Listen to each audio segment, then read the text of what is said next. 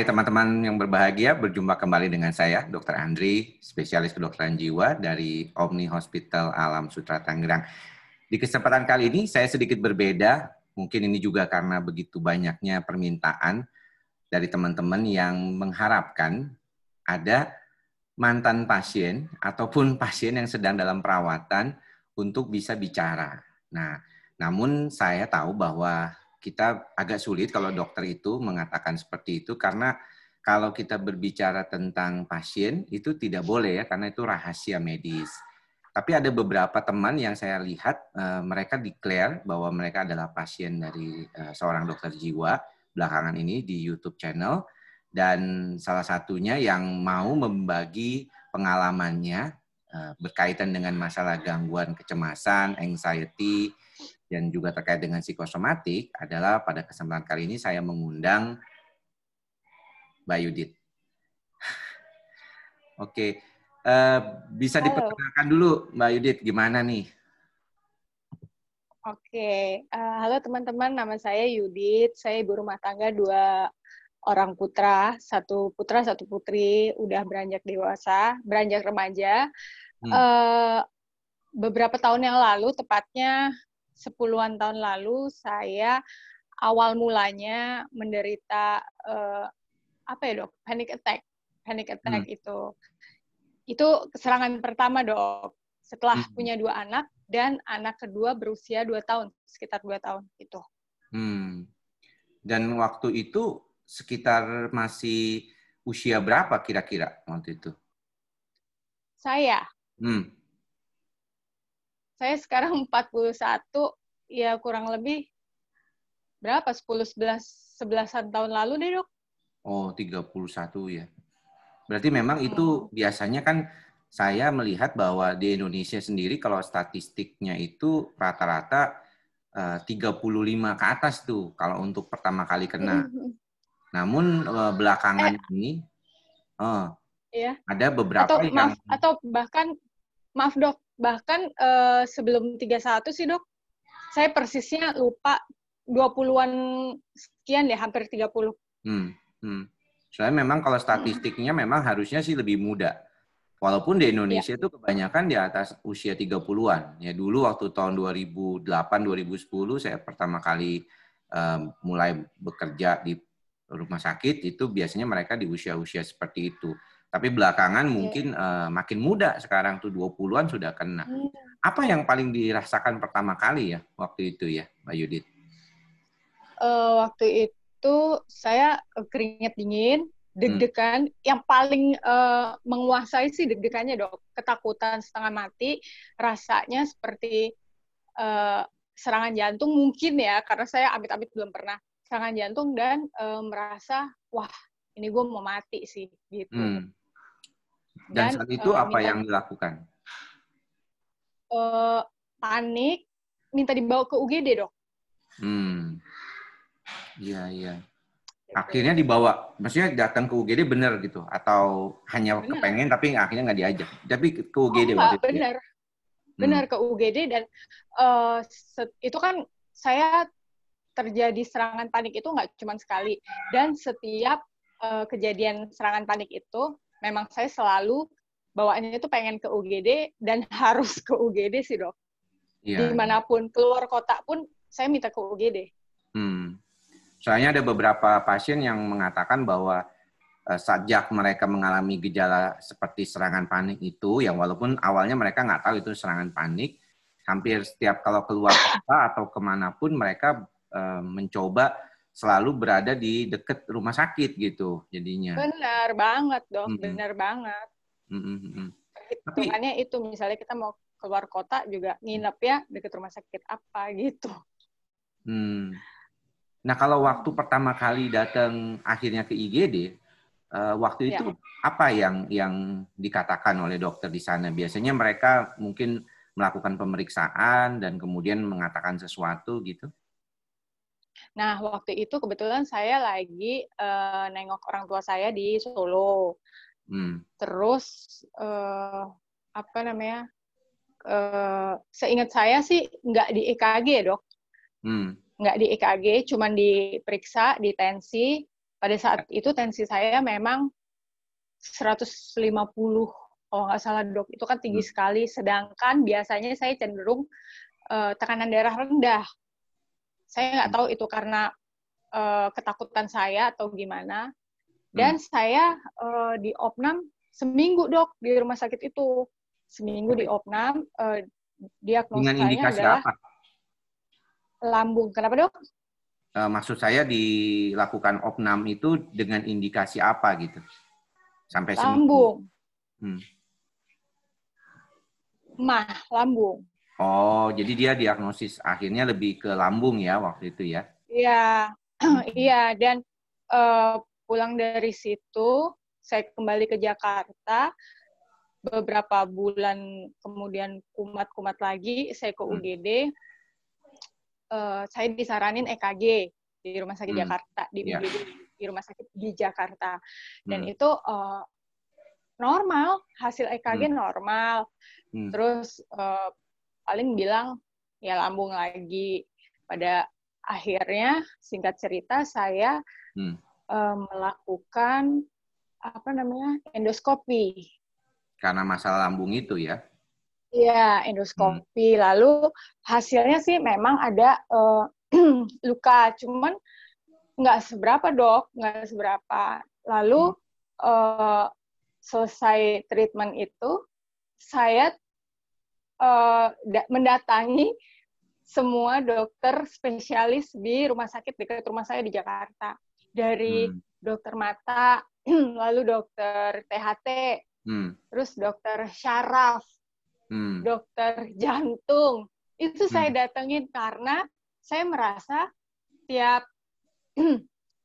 tiap apa namanya tiap kumat itu ada aja yang saya rasakan tadinya lambung hmm. terus uh, kadang telinga kayak berdenging atau gimana terus hmm. kadang mata pokoknya ada aja tapi semua dokter tuh bilangnya nggak apa-apa baik-baik aja saya sampai di echo jantung itu dok hasilnya hmm. normal sih nggak apa-apa sampai akhirnya saya bingung sendiri ini kok semua dokter spesialis udah gue datengin cuman kok gue belum menemukan hasil yang memuaskan bukan mengharapkan sesuatu penyakit uh, serius yang saya derita ya. cuman kok dokter bilang nggak apa-apa tapi gue rasanya begini gitu hmm, dok ya. itu bertahun-tahun hmm. saya ingin sedikit memberikan informasi ya mungkin yang teman-teman yang saat ini mendengarkan ya kalau misalnya kita pertama kali menghadapi kasus-kasus seperti tadi yang Mbak Yudit katakan di IGD, biasanya kalau untuk uh, amannya memang harus dilakukan EKG. Jadi pemeriksaan elektrokardiografi atau uh, eh, EKG itu adalah sesuatu yang uh, sangat penting ya. Walaupun mungkin uh, di saat waktu pertama kali serangan Mbak Yudit mungkin dianggap masih usia muda, perempuan, Eh, dokternya pasti melakukan auskultasi ya atau pemeriksaan lewat pakai stetoskop itu dan melihat hanya takikardi ya jadi tidak ada keluhan lain selain daripada jantungnya berdebar-debar kencang ya sampai tensinya sampai 150 ke atas. Dan kalau kita melihat memang uh, tensi yang biasanya rendah, misalnya 110, 120, pada saat serangan panik bisa sampai 150.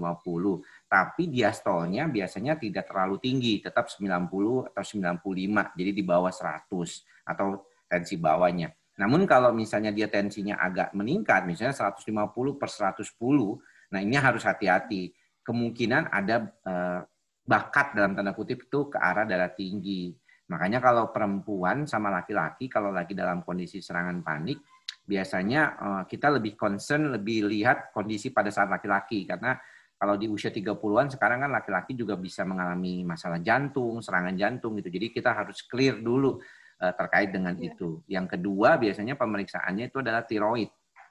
Kalau misalnya lebih ke arah gangguan uh, panik ya atau serangan panik seperti itu. Jadi kita harus clear dulu di masalah endokrin dalam hal ini tiroid itu tidak ada hmm. peningkatan. Hmm. Karena hipertiroid juga bisa bikin uh, peningkatan denyut jantung atau gejala serangan panik. Uh, literasi mengatakan 15% dari kasus-kasus uh, kecemasan itu banyak dikaitkan dengan uh, peningkatan uh, uh, apa namanya hipertiroid itu ya. Jadi kita melihat banyak kasus seperti ini. Namun ini menarik nih, tadi saya juga dengar dari Mbak Yudit bahwa uh, saat itu lebih fokus uh, ke ini ya, ke masalah yang berkaitan dengan apa tuh uh, lambung ya. Jadi apakah itu gejalanya memang kalau berulang lambungnya yang dominan atau lebih ke arah si dokternya aja mengarahkannya ke lambung gitu? Nah, awal-awal memang ada uh, apa ya di lambungnya emang berasa sih dok awal-awal. Hmm. Terus saya hmm. sampai benar-benar uh, tiga tahun nggak bisa puasa kayak dok, benar-benar nggak bisa puasa.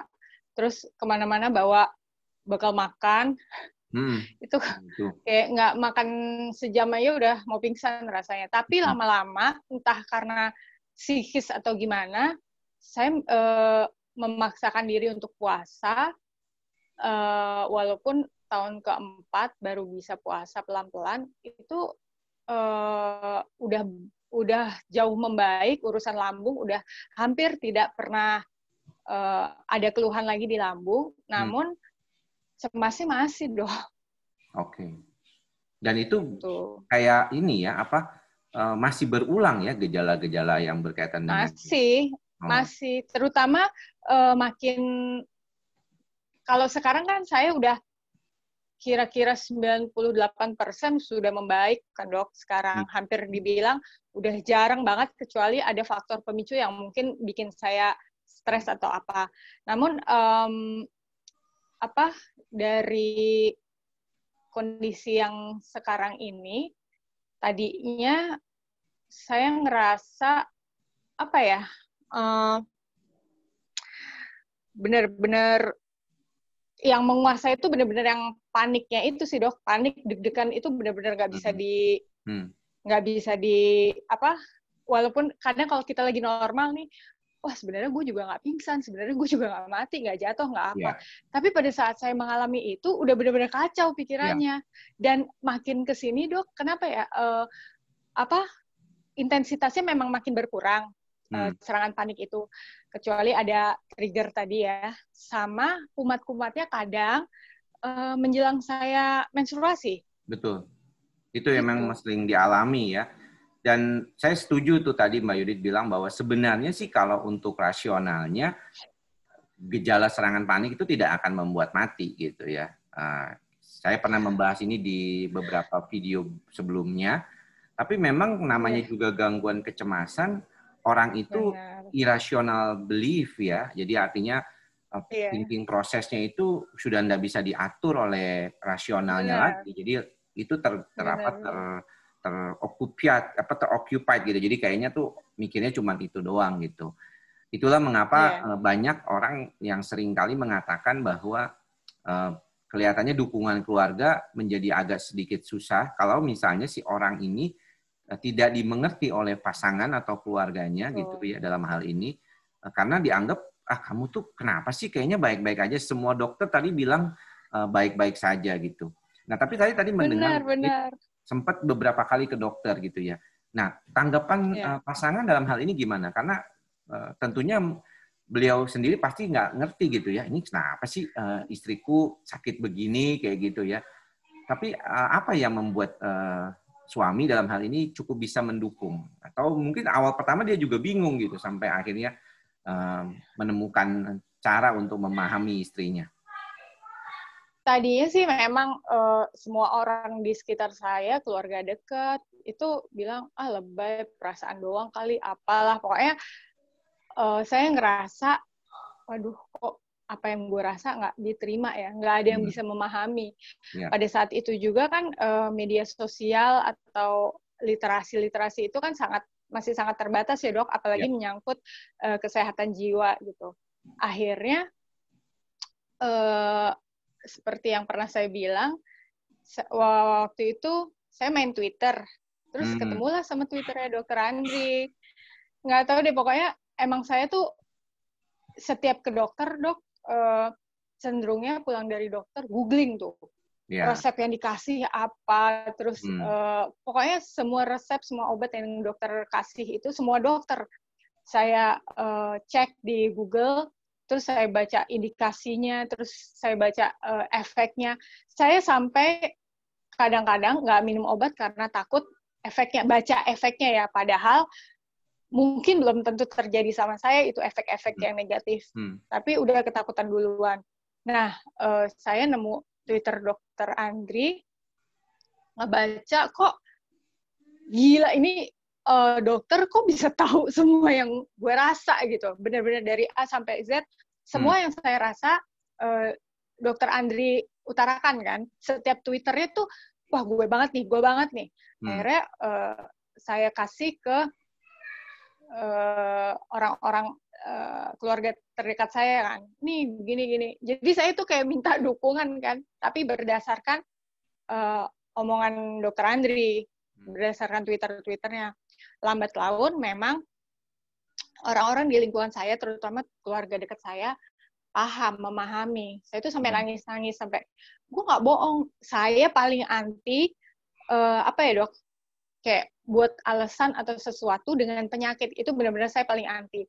Gak mungkin gue bikin-bikin gitu. Hmm. Sampai akhirnya menemukan uh, Twitter Dokter Andri dan kita baca sama-sama gitu.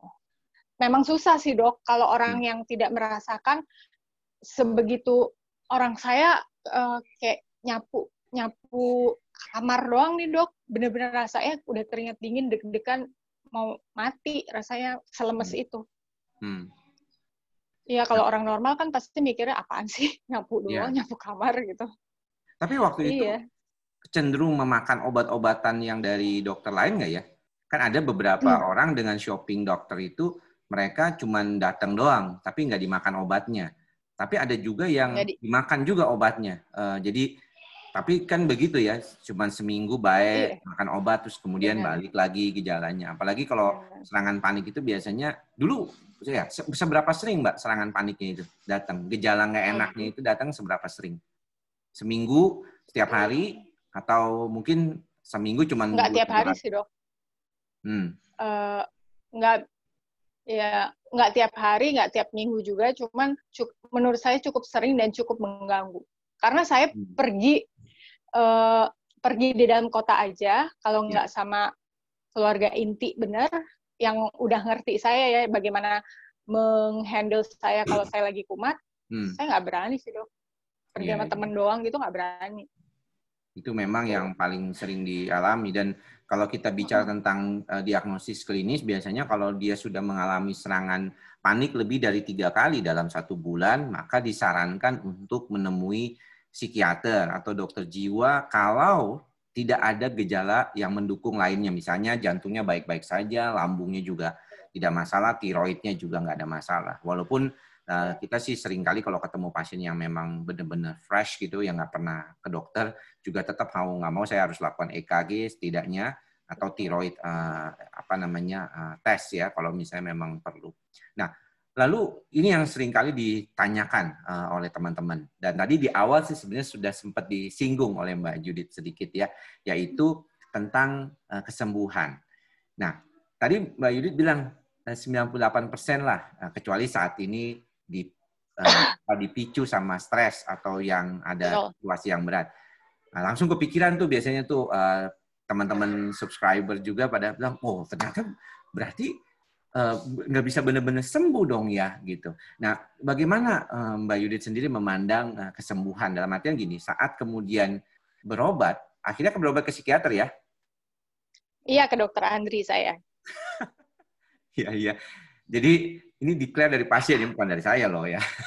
Iya. Oke, jadi uh, setelah berobat, kemudian berapa lama pengobatan uh, waktu itu ya? Dan akhirnya sampai uh, tidak berobat lagi, tidak makan obat lagi dan uh, cukup cukup stabil. Karena kalau kita bilang tuh nanti saya mau jelasin di teman-teman tuh ya di, di video yang khusus ya tentunya apa sih bedanya remisi? Remisi adalah saat di mana orang itu masih makan obat tetapi gejala tidak ada.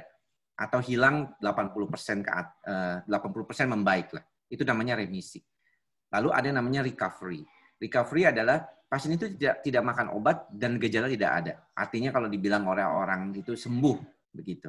Nah, eh, bagaimana eh, mulai sejak terapi, kemudian berapa lama waktu itu sampai akhirnya bisa nyata sembuh gitu, Mbak? Iya, waktu itu saya uh, ke dokter Andri di Omni, lalu saya uh, di, di minum obat treatment hmm. sekitar enam bulan ya dok kalau nggak salah.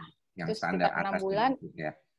Iya, jadi uh, kalau nggak salah saya balik berapa kali setiap uh, kedatangan uh, apa dosisnya dikurangin itu gimana ya dok waktu itu? Iya, biasanya dosis tiga bulan pertama, dua minggu pertama biasanya kan kontrol tuh dulu tuh ya dua hmm. minggu kontrol dilihat kalau dia oke okay, dosisnya dipertahankan dulu, tapi kalau kurang biasanya dinaikin, terus kemudian kalau ya. udah maintenance tiga bulan, setelah tiga bulan dia diturunin sambil melihat uh, dampak ya kalau pas diturunin itu apakah memang balik lagi atau enggak gejalanya. Kalau dia stabil tidak yeah. balik lagi sih turun sampai nol kayak gitu. Iya, yeah, iya. Yeah.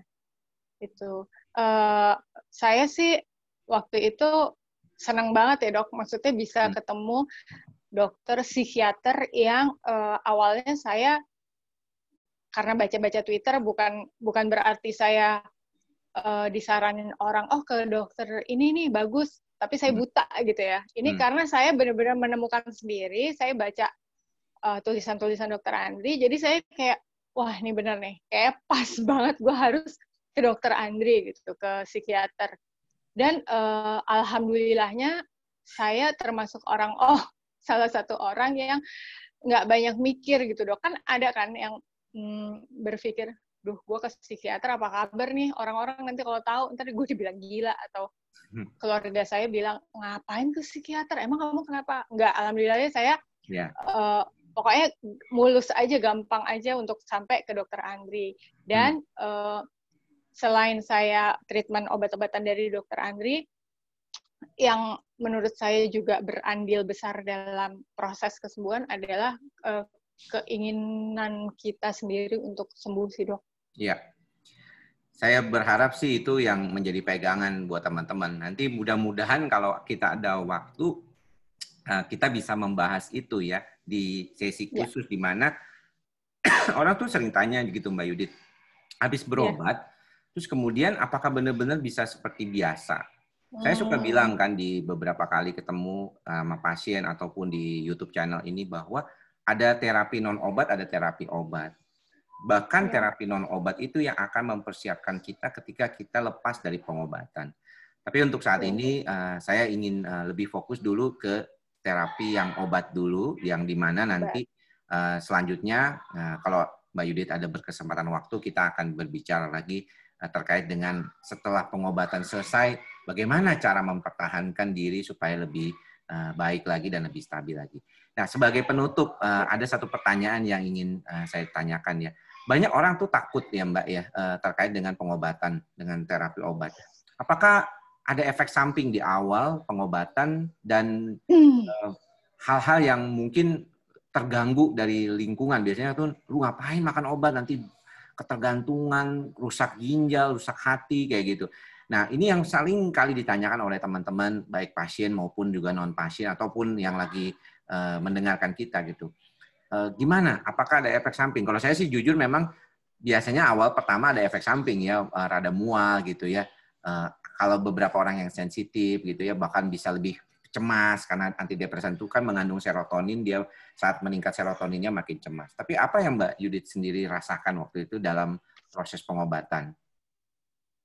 Uh, iya, seingat saya sih dok, karena udah lama ya. Seingat saya uh, ngantuk ya. Saya hmm. kalau nggak salah saya ngantuk. Pokoknya kayak mager gitu ngantuk. Yeah, yeah. Terus uh, lebih kayak uh, lemes hmm. sama jujur entah itu efek obat atau bukan, hmm. moodnya agak ups and down sih dong. Oh oke. Okay.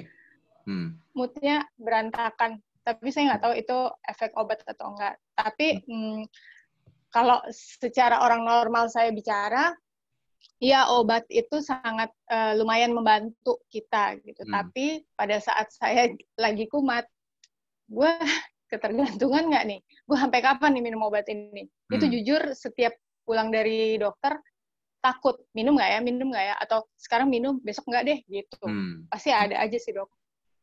Tapi uh, untuk lingkungan nggak nggak ada yang kalau minum obat nggak ada sih. Cuman itu saya sendiri dan saat lebih ke arah waktu lepas obat itu akhirnya uh, benar-benar gejala memang sudah hilang atau membaik dan efek samping itu berapa lama terjadinya? Apa sepanjang pengobatan uh, ngantuk terus, mager terus gitu? Saya lepas obat, hmm. duh nanti dimarahin dokter nih. Saya lepas obat waktu itu lepas sendiri dok. Hmm, gak apa-apa. saya lepas sendiri karena iya karena kan saya masih benar-benar kacau tuh Hmm. Uh, cuman saya uh, mikirnya ya udah deh, udah ini obat memang membantu, hmm. memang saya uh, sangat terbantu dengan obat ini. Yeah. Gejala-gejala berkurang setelah minum obat. Namun yeah. saya uh, mau apa ya ibarat anak kecil belajar jalan. Yeah. Kalau saya pegangan terus, kapan nih gue bisa berdirinya berdiri sendiri gitu. Akhirnya yeah. saya udah deh gue uh, lepas aja tapi uh, dengan konsekuensi memang masih ups and down sama saya harus lebih uh, mengoptimiskan diri itu ya. yang sangat berat dok. Ya, dan ini mungkin yang nanti akan kita bahas di kesempatan berikut ya karena kalau ya. misalnya ya. kita berbicara tentang pengobatan orang akan bertanya berapa lama dan apa yang terjadi dari apa pengalaman Mbak Yudi tadi itu sebenarnya memang banyak terjadi pada orang lain ya di mana mereka yeah. akhirnya memutuskan untuk melepaskan obat dan mungkin karena di awal suka saya bilang gitu bahwa pengobatan ini bisa berlangsung 3 sampai 6 bulan. Tiga bulan itu biasanya otak kita sudah mulai beradaptasi terhadap uh, pengobatan dan juga mulai sudah mulai agak normal dalam tanda kutip dan mulai bisa mencari cara lain dan memberikan uh, rasional kita itu jauh lebih baik itu ketika pengobatan berjalan gitu. Artinya ketika serotonin yeah dan sistem saraf pusat lainnya itu saling bekerja sama dengan baik, kemungkinan untuk menimbulkan rasa mau melakukan sesuatu untuk meng, apa ya mengadaptasi ya kondisi tersebut itu bisa hmm. tanpa obat. Walaupun mungkin itu tidak semua terjadi ya. Saya bersyukur sekali Mbak Yudit menjalani ya. dengan baik, eh, bisa melewati ini dengan cukup eh, bagus dan akhirnya bisa lepas benar-benar dari obat dan lepas dari gejala sampai akhirnya bisa seperti sekarang ini. Tapi buat teman-teman yang yeah. masih perlu bimbingan ya, saya kira memang uh, saya sarankan juga untuk tetap uh, pengobatan yang baik dan kalau memang uh, agak susah uh, kita harus lihat dulu tuh banyak hal-hal yang uh, kita yakinkan bisa menjadi pendukung. Kadang-kadang tuh ada yang nggak mau lepas obat karena dia merasa dukungan lingkungannya tuh belum cukup atau dia sendiri belum benar, mampu. Benar. Kemudian ada juga yang terkait dengan pengobatan, biasanya mereka bilang, aduh, ini kok saya ketergantungan ya dok sama obat ini. Saya bilang, Anda ketergantungan itu sebenarnya lebih karena tidak ada cara lain selain obat ini yang dianggap mampu untuk mengatasi. Tapi kalau tadi Mbak Yudit bagus sekali tuh, uh, sudah mulai merasakan diri siap dan akhirnya mau melepaskan obat. Saya kira itu biasalah uh, apa di dalam praktek saya yang sudah lebih dari 12 tahun saya sudah melihat banyak kasus dia lepas obat begitu di 2-3 bulan pertama Eh, banyak juga bahkan di dua minggu pertama sampai satu bulan. Karena memang kalau untuk gejala, apalagi kalau gejalanya psikosomatik, itu membaik. Di dua tiga bulan, yeah. eh nggak usah dua tiga bulan, dua tiga minggu pertama tuh udah membaik. Gitu. Oke, sebagai kata penutup, saya ingin uh, Mbak Yudit memberikan mungkin pesan uh, buat teman-teman. Sementara ya, mungkin hmm. ini akan jadi salah satu tamu saya di YouTube channel saya Andri Psikosomatik ke depan uh, untuk saling berbagi. Mbak Yudit sendiri kan punya YouTube channel ya. Coba uh, boleh uh, di-share iya. channelnya. Nanti saya di, di, apa berikan juga di deskripsi video ini. Teman-teman uh, boleh uh, apa okay. namanya mampir di dan jangan lupa subscribe di Mbak Yudit punya YouTube channel. Tapi apa pesan teman-teman apa pesan buat teman-teman nih Mbak Yudit sebagai penutup? Um, pesan saya walaupun mungkin ini buat teman-teman yang masih merasakan gejala-gejala itu uh, teman-teman bilang ah ya iya lu udah sembuh lu bisa ngomong. Benar. Tapi uh, ini untuk sekedar membangkitkan semangat dan uh, memberi harapan bahwa kita sebenarnya nggak apa-apa kok. Maksudnya nggak ada penyakit yang sesuatu yang di kadang-kadang kan fisik ikut sakit ya dok. Rasanya ya, ada sesuatu gitu. Ya, tapi uh, iya. Tapi uh, dengan berjalannya waktu, dengan uh, kita memacu diri kita sendiri untuk hmm. berpikir positif walaupun memang sulit, percaya pada suatu saatnya nanti. Aduh mau nangis. Hmm. kita bisa kok. Hmm. Iya iya. Kayak uh, orang-orang lain lagi. Hmm. Oke. Okay. jadi terharu ya kalau mengingat lagi. Oh emang susah nih kalau masih psikiater kadang-kadang jadi ikut. Baper kan iya nggak apa-apa. Itu reaksi yang normal menurut saya. Karena kalau kita berbicara tentang masalah uh, sistem saraf pusat yang terkait dengan hal ini memang serotonin dan dopamin itu berkaitan. Jadi ketika kita mengingat kembali hal-hal yang uh, sifatnya mengingatkan kita pada masa lalu, kemudian mengingatkan kita pada masa-masa kita yang tidak nyaman itu terjadi kekhawatiran. Tapi ada dua tuh kemungkinannya. Pertama, kita bisa jadi trauma karena merasa kita nggak bisa ke mana-mana. Sepertinya waktu itu dulu gitu ya, harus ketakutan, penuh ketakutan Makanya nggak heran banyak pasien-pasien gangguan kecemasan panik itu yang nggak bisa nyetir, nggak bisa keluar rumah, harus dengan orang yang menemani seperti itu. Atau dia belajar Benar. Melawan dalam tanda kutip, coping dengan keadaan itu. Tapi ketika dia ditanya kembali tentang itu, biasanya dia suka ada sedikit namanya juga amigdala. Makanya nggak bisa, bilang benar-benar hilang itu nggak bisa karena otak itu kan menyimpan memori. Cuman kadarnya aja kita kurangin. Oh ya udah nangis saya ini cuma sebagai suatu ungkapan saja, bukan sebagai ya. proses kekambuhan yang.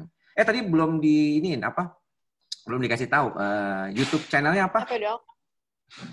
Oh, you did great. Y O U D I D G R E A T. Oke, nanti. Tapi saya me memang nggak spesifik nggak spesifik bahas uh, psikosomatik ini sih dok. Iya. Cuman ada beberapa aja saya share.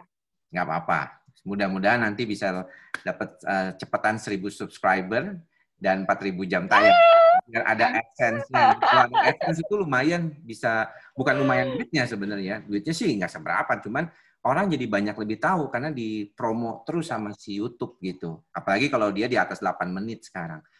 Oke, okay. Iya. uh, thank you, okay, uh, Mbak Yudit sudah menyempatkan waktu uh, berbincang bersama saya di sini untuk teman-teman juga sharingnya bermanfaat sekali dan saya berharap nanti kita uh, bisa Semoga. ketemu lagi di lain kesempatan untuk membahas hal-hal tadi tuh yang setelah uh, pasca pengobatan dan teman-teman yang masih berjuang yeah. jangan kalah uh, semangat ya tetap semangat apalagi ini hari kemerdekaan Republik Indonesia Dirgahayu kemerdekaan kita ke-75 buat semuanya tetap merdeka dan juga merdeka dari ansietas tentunya.